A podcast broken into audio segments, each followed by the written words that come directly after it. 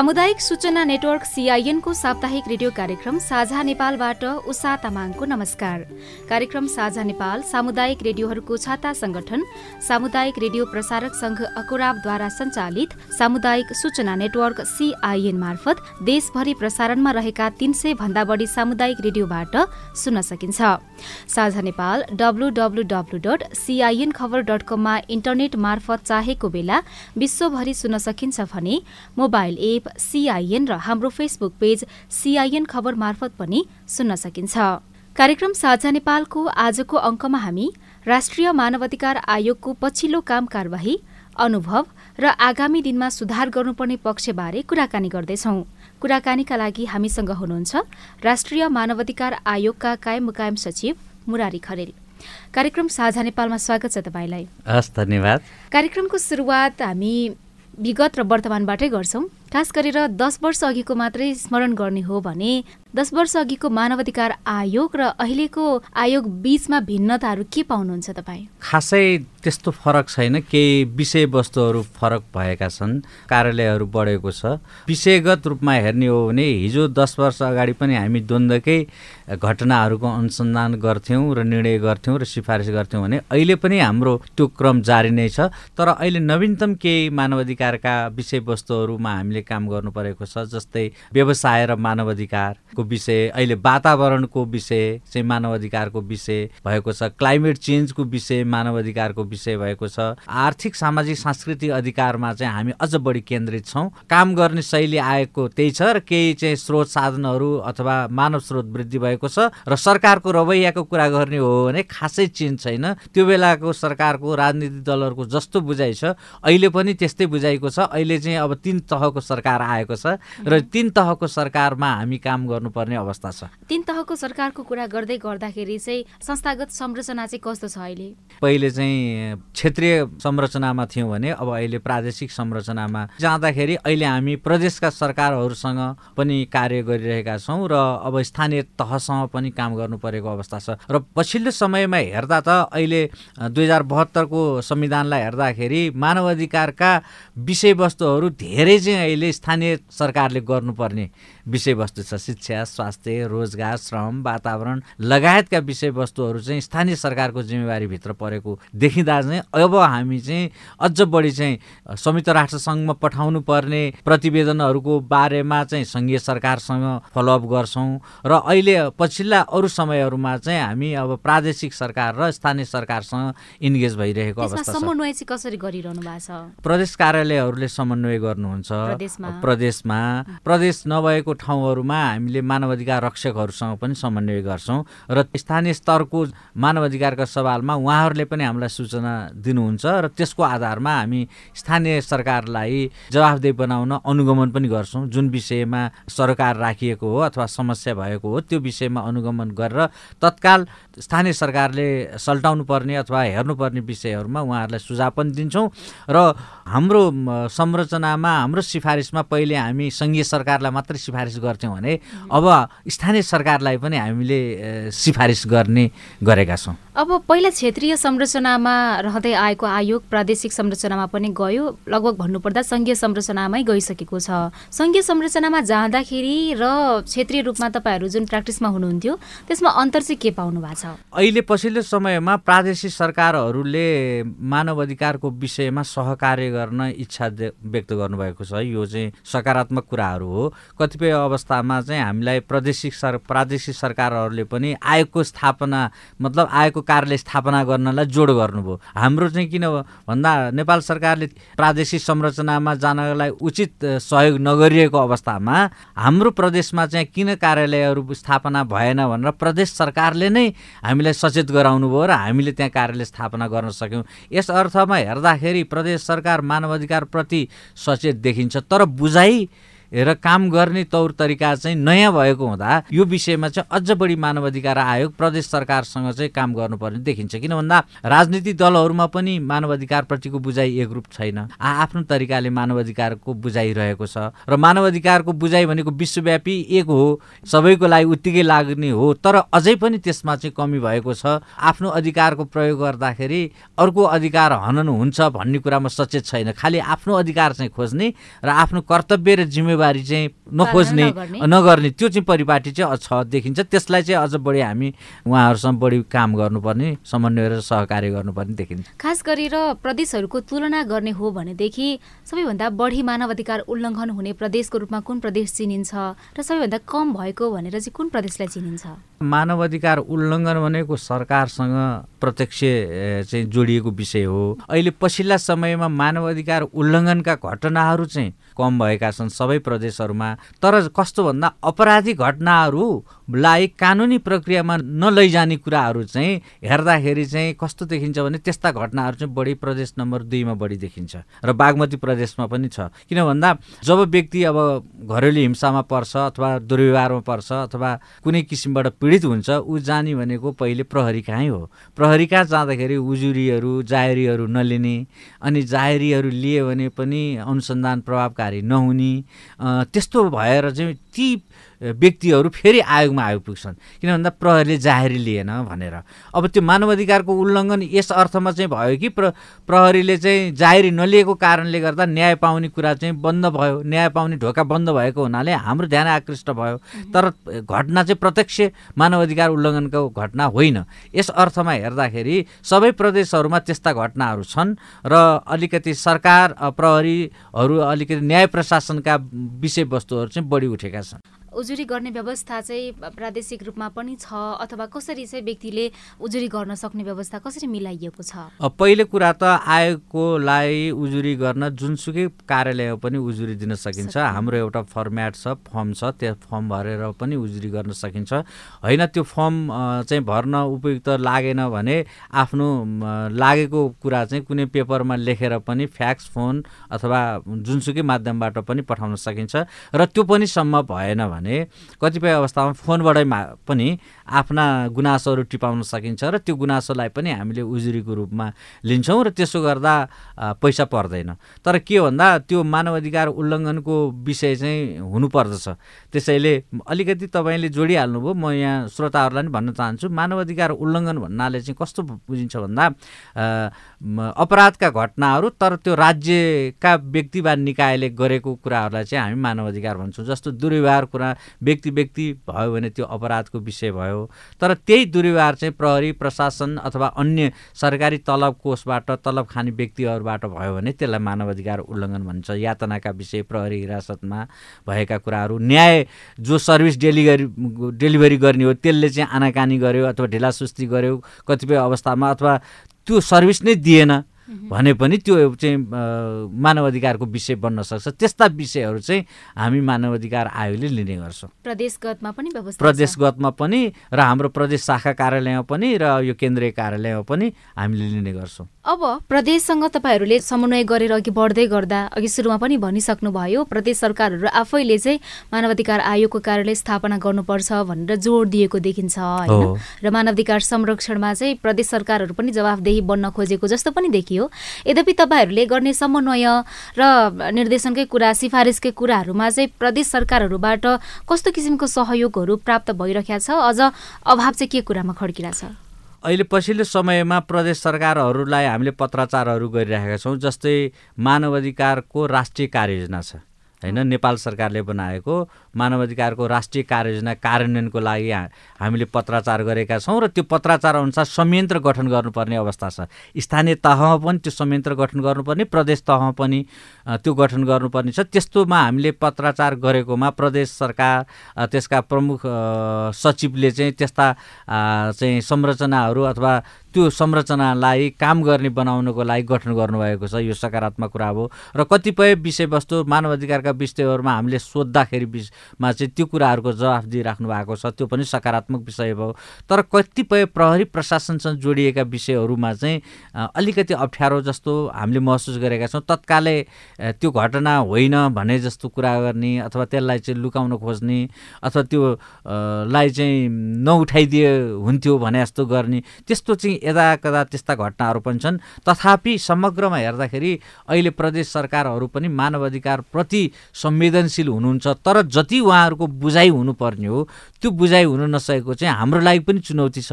उहाँहरूले पनि यो मानव अधिकारको शिक्षालाई कसरी प्रभावकारी बनाउने? किन भन्दा त्यो काम गर्ने संयन्त्रमा पनि मानव अधिकारप्रतिको बुझाइ हुनु पऱ्यो र त्यो काम गर्ने कमिटमेन्ट हुनु पऱ्यो त्यसमा चाहिँ एउटा अज्ञानताको कारणले पनि यदा कदा त्यस्ता भुलहरू अथवा त्यस्ता इग्नोरेन्सहरू अथवा व्यवस्थाहरू हुने गरेका होलान्। यो विषयमा चाहिँ म यहाँबाट पनि के आग्रह गर्न चाहन्छु भने प्रदेश सरकार आफैले चाहिँ पनि त्यस्ता कुराहरूलाई चाहिँ अगाडि बढाओस् मानव अधिकार शिक्षाको कुराहरू मानव अधिकारका तालिमका कुराहरू यो राजनीतिक दलहरूलाई पनि चाहिन्छ राजनीतिक दलका भातृ सङ्गठनहरूलाई पनि चाहिन्छ ताकि उनीहरूले भोलिका दिनहरूमा मानव अधिकार उल्लङ्घन हुन सक्ने विषयहरूमा सचेत हुन्। र त्यस्तो घटना नघटुन् भन्ने विषयहरूमा हामीले चाहिँ उहाँहरूलाई पनि पत्राचार गरेका छौँ र स्रोत साधन छ अहिले पछिल्लो समयमा प्रदेश र स्थानीय तहसम्म तर त्यो अनुसारको चाहिँ अझै हुन सकेको छैन त्यसमा हामी लागिरहेकै छौँ। प्रदेशको कुरा गर्नुपर्दा लगभग स्थानीय तहमा पनि यहीसँग मेल खान्छ होला। यद्यपि प्रदेशभन्दा पनि स्थानीय तह अझै नागरिकसँग नजिकको सरकार भएको हुनाले गर्दाखेरि कस्तो कस्तो कुराहरू चाहिँ तत्कालै स्थानीय सरकारले गरिदियो भने मानव अधिकार उल्लङ्घनका घटनामा पनि कमी आउँथ्यो होला। मानिसहरू पनि उजुरी गर्नेदेखि लिएर त्यो घटना घटाउन सक्ने कुराहरूमा पनि कमी आउँथ्यो होला। खास गरी अब अहिले स्थानीय सरकारलाई त स्थानीय तहलाई यो स्वास्थ्य सम्बन्धी सबै अधिकार दिएको छ। नेपाल सरकारले चाहिँ कतिपय औषधिहरू नि शुल्क वितरण गर्ने भनिएको छ। तर स्थानीय हेल्थ पोस्टहरूमा ती औषधिहरू अभाव देखिन्छन् आयोगकै अनुगमनबाट पनि। र ती नेपाल सरकारले नि शुल्क दिने भनिएका औषधिहरूको चाहिँ बाँडफाँड र त्यो वितरण र त्यसको स्रोत साधन त्यसमा लाग्ने स्रोत साधनको चाहिँ स्थानीय तहले पहिले नै सुनिश्चित गरेर त्यो औषधिहरू ढुवानीमा वितरणमा ध्यान दियोस् भन्ने म चाहन्छु र त्यो पनि भन्न चाहन्छु। अर्को कुरा पाठ्यपुस्तकहरू स्थानीय तहमा पुगेका छैन। अहिले अझ हिमाली क्षेत्रमा त पाठ्यपुस्तक पुगेका छैन। त्यहाँ चाहिँ गुणस्तरीय शिक्षाको अभाव छ। र कतिपय दरबन्दीका कुराहरू शिक्षक दरबन्दीका कुरा छ। दरबन्दी भए पनि शिक्षकहरूले चाहिँ आफ्नो जिम्मेवारी पुरा नगरेको भन्ने गुनासोहरू छ। यी विषयहरू चाहिँ स्थानीय तहले अझ बढी हेर्नुपर्छ। कुरा गर्नु पर्दाखेरि पनि माध्यमिक तहसम्म जुन निशुल्क शिक्षा भनिएको छ त्यसमा चाहिँ अझै पनि मानिसले निशुल्क शिक्षा लिन पाएका छैनन्। पाएका छैनन् र त्यो विषयमा स्थानीय तहले अझ राम्रोसँग अनुगमन गर्न सकेको छैन। र कतिपय स्थानीय तहको चाहिँ शिक्षाको कुराहरू गर्दाखेरि करिकुलर करिकुलम निर्माण पाठ्यक्रम निर्माण गर्ने भन्ने कुराहरू पनि छ। र पाठ्यक्रम निर्माण गर्ने क्षमता स्थानीय तहमा भइसकेको छैन भन्ने पनि हामीलाई लागिसकेको छ लागेको छ। किन भन्दा आफ्नो पाठ्यक्रम आफै निर्धारण गर्ने भन्ने पनि उल्लेख भएको हुँदा त्यो विषयमा पनि उहाँहरूले आफ्नो क्षमता अभिवृद्धि गर्नुपर्ने अवस्था देखिन्छ। त्यस्तै वातावरणीय सरसफाइको कुराहरू पनि त्यहाँ रहेको छ। त्यो विषयमा पनि उहाँहरू चनाखो हुनुपर्ने। श्रम रोजगारको कुरा अहिले सबै स्थानीय तहबाट चाहिँ विदेशमा काम गर्न हाम्रा दाजुभाइ दिदीबहिनीहरू जानुभएको छ। तर तिनीहरूको रेकर्ड स्थानीय तहमा छैन। भोलि चाहिँ उहाँ समस्या पऱ्यो भने कसरी उद्धार गर्ने भन्ने खालको त्यो योजना छैन त्यो कार्यक्रम छैन। त्यसैले सम्पूर्ण आफ्नो पालिकामा रहेका विषयवस्तुहरूको चाहिँ एउटा चाहिँ रेकर्ड राख्ने सिस्टम डेभलप होस् ताकि त्यहाँ भएका सम्पूर्ण गतिविधिहरूमा कहाँ समस्या छ भन्ने पनि थाहा होस् र त्यो उसको आधारमा यता नीति योजना र कार्यक्रमहरू बनाउन सहज होस् भन्ने विषय पनि हामी भन्न चाहन्छौँ र समग्रमा भन्ने हो भने अहिले पनि स्थानीय तहको बुझाइ पनि सबै मानव अधिकारको सबै विषयवस्तु हेर्ने प्राथमिक जिम्मेवारी चाहिँ अहिले स्थानीय तहलाई नै दिएको छ संविधानले नै एकल अधिकार दिएको छ। र यो सन्दर्भमा चाहिँ स्थानीय तहमा का जनप्रतिनिधिहरू र ब्युरोक्रेसी पनि अझ मानव अधिकारप्रति सचेत हुनुपर्ने जस्तो देखिन्छ। जनप्रतिनिधिहरूमा पनि त्यो खालको बुझाइ छैन। त्यसैले त्यो पनि चुनौती छ। बरु आयोगले के गर्न सक्छौँ? हामी समन्वय सहकार्य गर्न तयार छौँ टेक्निकल सहयोग गर्न तयार छौँ। र त्यस्तो विषयहरूमा उहाँहरूले पनि एउटा मानव अधिकार शिक्षाको कार्यक्रमहरू प्रवर्धन गरेर आफ्नो पालिकाभित्र चाहिँ सबैलाई चाहिँ मानव अधिकारप्रति सेन्सिटिभ हुन कतिपय त जेन्डर सेन्सिटिभको कुराहरू पनि छ। लैङ्गिक संवेदनशील भएर कार्यहरू भइरहेको अवस्था देखिँदैन। बाल अधिकारका समस्याहरू छन् त्यस्तै होइन? बालबालिकाहरू बाल कल्याण अधिकारीहरू चाहिँ नियुक्ति भएका छैनन्। यावत यस्ता कुराहरू छन् जसमा स्थानीय तहको प्रमुख भूमिका रहन्छ। आयोगप्रति नागरिकले गर्ने भरोसा बढ्दैछ कम हुँदैछ अथवा जतिको तति यथावतै छ? यो चाहिँ मैले भन्दा पनि बाहिरको व्यक्तिहरू तपाईँहरूले भन्ने कुरा हो। यस विषयमा एउटा छुट्टै रिसर्च नै भए हुन्थ्यो भन्ने पनि लाग्छ। यदि आयोगको ग्यापहरू रहेछ भने हामीले पनि सुधार्ने मौका पाउँछौँ। तर आयोगमा आएको उजुरीहरूको ट्रेन्डलाई हेर्ने आयोगमा आएका गुनासोहरू पीडितहरू हेर्ने हो भने आयोगप्रति भरोसा अझै छ भन्ने मलाई लाग्छ। किन भन्दा प्रहरीबाट भएन प्रशासनबाट भएन र अदालतबाट पनि न्याय पाइएन भने पनि अझै पनि आयोगमा आउने रहेका छन्। यस अर्थमा चाहिँ के भन्दा आयोगमा गयो भने समस्या कुनै न कुनै रूपमा समाधान हुन सक्छ अथवा समाधान गराउन मद्दत पुग्छ भन्ने जनभरोसा छ। र त्यही अनुसार पनि हामीले काम गरेका छन्। हामीले अहिले प्रत्यक्ष मानव अधिकार उल्लङ्घनका घटनाहरूभन्दा पनि आयोगसँग सम्बन्धित नभएको तर न्याय प्रशासनसँग सम्बन्धित भएका धेरै उजुरीहरू चाहिँ त्यो विषयमा हेर्नु परेको छ। यस अर्थमा पनि अझ आयोगको पहुँच बढ्न सकेको छैन। यो चाहिँ हामी स्वीकार्छौँ। किन भन्दा आयोगको कार्यालय पचहत्तरै सतहत्तरै जिल्लामा हुनुपर्छ भन्ने कुराहरू पनि जनमानसबाट आइरहेको छ। किन भन्दा यसले के हुँदो रहेछ भन्दा आयोगको कार्यालय एउटा जिल्लामा मात्र भयो भने नि त्यहाँ चाहिँ मानवाधिकार उल्लङ्घन गर्न खोज्ने जुन तत्त्वहरू छन् तिनीहरूलाई चाहिँ अलिकति दबाब पुग्दो रहेछ। चाहे त्यो राजनीतिक दल होस् प्रहरी प्रशासन होस् वा जो कोही होस् उनीहरूलाई चाहिँ ए आयोग छ है अनुगमन गर्छ हेर्छ भन्ने पर्दो रहेछ। त्यस अर्थमा पनि नेपाल सरकारले कस्तो छ भन्दा अब पशु कार्यालयहरू सतहत्तरी जिल्लामा छ तर मानव को मानव अधिकार हेर्ने कार्यालय चाहिँ नहुँदा चाहिँ यो चाहिँ नेपाल सरकारले नै सोच्नुपर्ने विषय हो। त्यसैले आयोगको कार्यालयहरू चाहिँ सतहत्तरै जिल्लामा विस्तार गर्न पनि नेपाल सरकारले सोच्नुपर्छ। यसले चाहिँ घाटा हुँदैन मानव अधिकारकै संरक्षण हुन्छ। कोही कसैले मानव अधिकारको उल्लङ्घन गर्ने मनसाय राखेको छ भने पनि त्यो रोकिन्छ। र हाम्रो भनेको आएको काम भनेको घटना घटेपछि अनि त्यसको अनुसन्धान गर्ने मात्रै पनि होइन नि। किन भन्दा घटना हुनैबाट रोक्ने हो नि त। त्यसैले त्यस्तो विषय पनि र अनि मानव अधिकार शिक्षाको कुरा आयोग भएपछि आयोगले केही न केही कार्यक्रमहरू गरिराख्छ त्यसले चाहिँ एउटा मानव अधिकार संस्कृति विकास गर्न पनि मद्दत पुग्छ। त्यस अर्थमा पनि आयोगको पहुँच विस्तार हुनुपर्ने कुरामा चाहिँ अझै संवेदनशील हुन जरुरी छ। त्यसको लागि सबैले चाहिँ नेपाल सरकार र सबैले सहयोग गर्न जरुरी छ र आयोग आफैले पनि अब हिजोको जस्तो अवस्था पनि छैन है। अहिले नयाँ विषयवस्तुहरू छ र हामीले पनि काम गर्ने तौर तरिकामा अलिकति बदलाव ल्याउनु पर्छ। हिजो हामी नागरिक राजनीति अधिकारमा केन्द्रित थियौँ भने हिजो द्वन्द्वको बेलामा अब चाहिँ आर्थिक सामाजिक सांस्कृतिक अधिकार एउटा सेवाग्राहीले कुनै कार्यालयमा गएर सेवा तत्काल पाउन सकेन समयमै पाउन सकेन भने पनि त्यो पनि मानव अधिकारको विषय हो।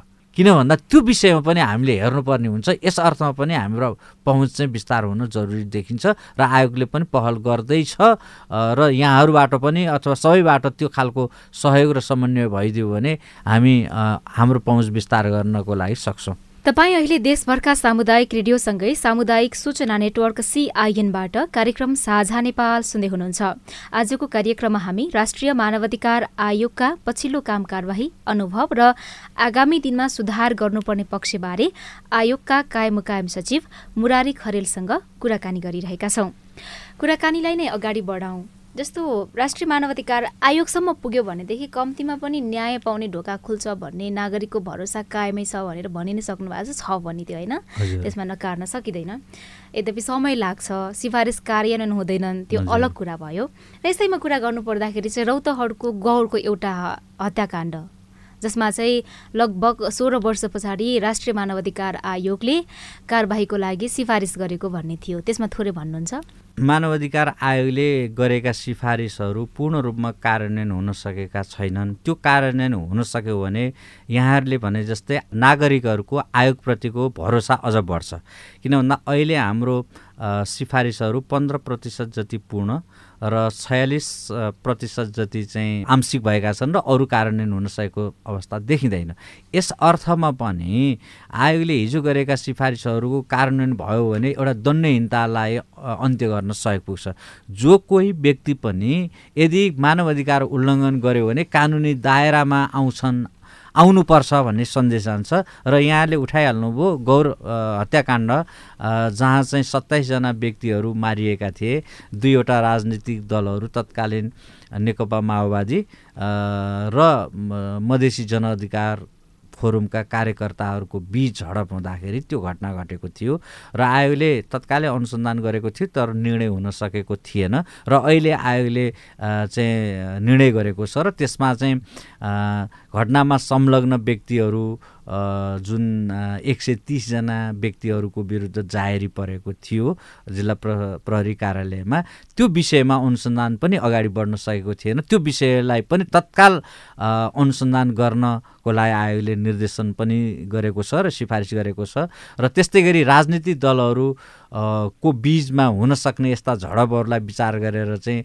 राजनीतिक दलका शीर्ष नेताहरूलाई अब दुईवटा पार्टीका त भइहाले र अरू पा पार्टीकाहरूलाई पनि भोलिका दिनहरूमा हुन सक्ने यस्ता घटनाहरूमा संवेदनशील हुन भनेको छ। त्यस्तै गरी अब यदि आफ्ना पा पार्टीका कार्यकर्ताहरू अपराधिक घटनामा संलग्न भएका छन् थिए भने पनि अथवा त्यो घटनामा रहेकालाई पनि राजनीतिक संरक्षण नगर्न कतिपय अवस्थामा दलहरूले नै प्रोटेक्ट गर्ने अवस्था पनि देखिएको छ। हिजो हाम्रो द्वन्द्वका घटनाहरूको सिफारिसलाई हेर्दाखेरि त्यस्तो नगर्न जो कोही व्यक्ति पनि यदि अपराधमा संलग्न भएका छन् भने बरु सहयोग गर्न र तिनीहरूलाई कानुनी दायरामा ल्याउन सहयोग गर्नको लागि आयोगले सिफारिस गरेको छ। र यो समग्रमा हेर्दाखेरि के देखिन्छ भन्दा यो सोह्र वर्षसम्म किन चाहिँ जाहेरी उप अनुसन्धान भएन भन्ने कुरा चाहिँ प्रमुख हो। यसको हेर्दाखेरि पृष्ठभूमि हेर्दाखेरि प्रहरी प्रशासन पनि राजनीतिक दबावमा परेको वा पारेको हो कि भन्ने देखिन्छ।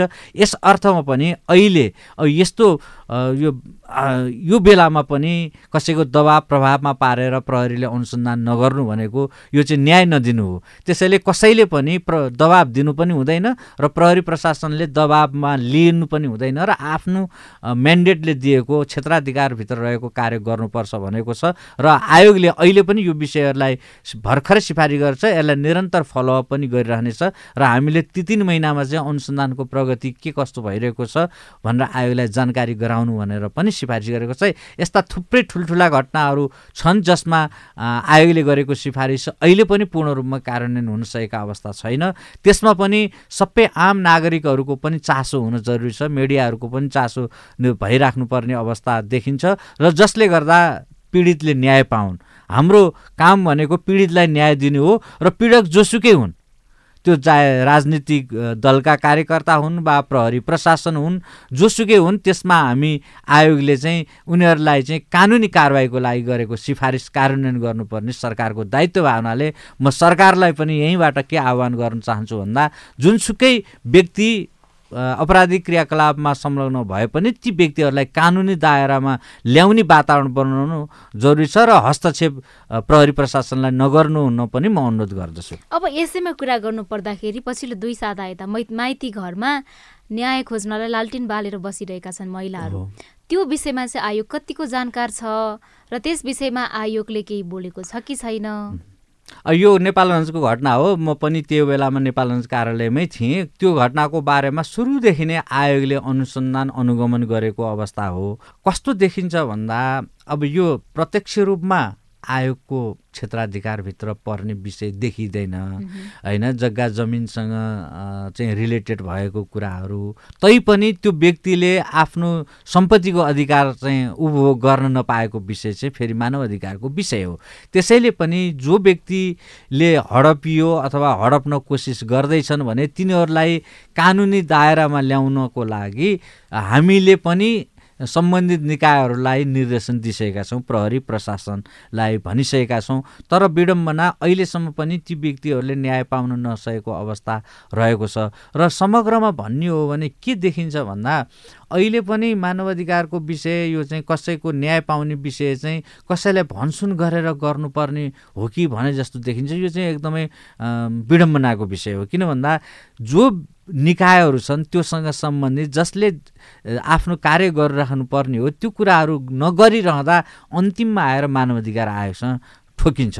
र अनि मानवाधिकार आयोगले पनि भन्ने फेरि ती निकायहरूलाई नै हो। त्यसैले मैले अघि नै पनि जोड दिएँ कि सबैभन्दा मानवाधिकारको प्रमुख कुरा कार्यान्वयन भनेको आफ्नो जिम्मेवारीलाई स्वीकार्नु।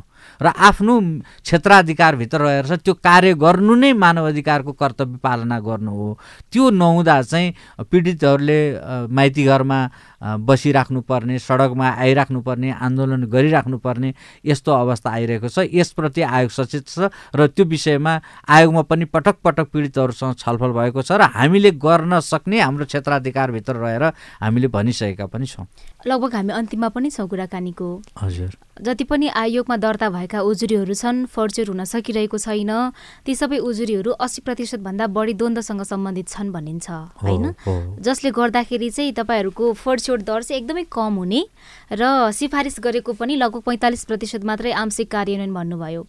र यो सरसर्ती हेर्नु पर्दाखेरि चाहिँ यो पेन्डिङमा रहेका हुजुरी सङ्ख्या जसको चाहिँ फर्सिट हुन सकेको छैन त्यसको समाधान अनि त्यस पछाडि जति पनि तपाईँहरूले सिफारिस गर्नुहुन्छ त्यसको कार्यान्वयनका लागि चाहिँ अब आयोगको कदमहरू के हुन्छ?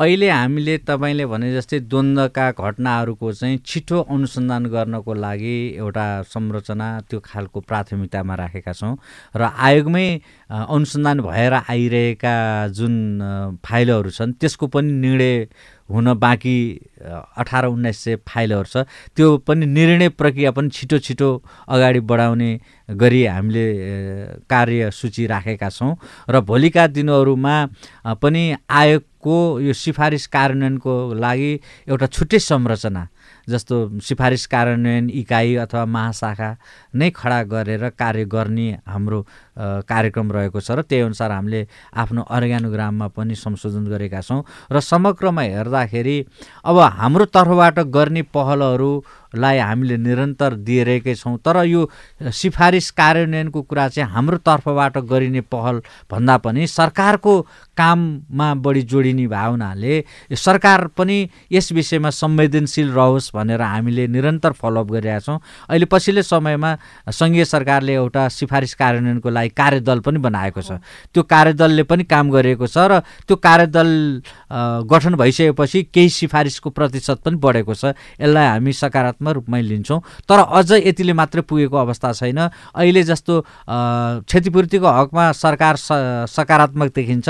तर पीडकलाई कारवाही गर्ने कुरा चाहिँ अझै पनि सकारात्मक देखिएको छैन। हामी चाहन्छौँ आयोगले गरेका सिफारिस गरिएका जुन पीडकहरू छन् तिनीहरूलाई कानुनी कारवाहीको लागि अगाडि बढाइयोस्। फौजदारी अभियोगमा मुद्दा चलाऊ भनेर सिफारिस गरिएकाहरूलाई तुरुन्त जाहेरी लिएर दर्ता गरेर फौजदारी अभियोगमा मुद्दा अनुसन्धान गरेर मुद्दा चलाइयोस् भन्न पनि चाहन्छु। यसो हुन सक्यो भने एउटा आयोगप्रतिको विश्वास पनि बढ्छ र पीडितले न्याय पाउने पनि अवस्था रहन्छ र अझ भन्ने हो भने आयोगको अझै बढी चाहिँ अघि पनि कुरा गरियो पहुँच पनि विस्तार हुन जरुरी छ। आयोग सबै जिल्लाहरूमा हुन सक्यो भने हामीले एउटा प्रिभेन्टिभ काम पनि गर्न सक्छौँ। मानव अधिकार उल्लङ्घन हुनबाट रोक्नको लागि काम गर्न सक्छौँ र हामीले चाहिँ चाहेको चाहिँ घटना घटोस् अनि आयोग अनुसन्धान गर्न जाउँ भनेर खोजेको होइन।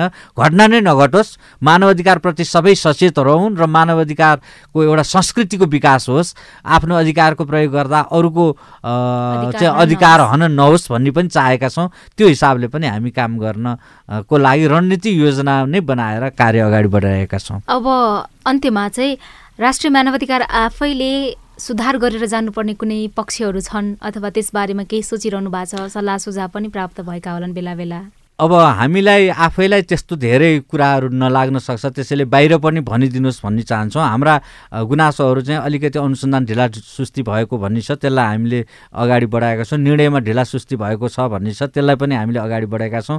अरू कतिपय स्रोत साधनको पनि हामीलाई अभाव छ।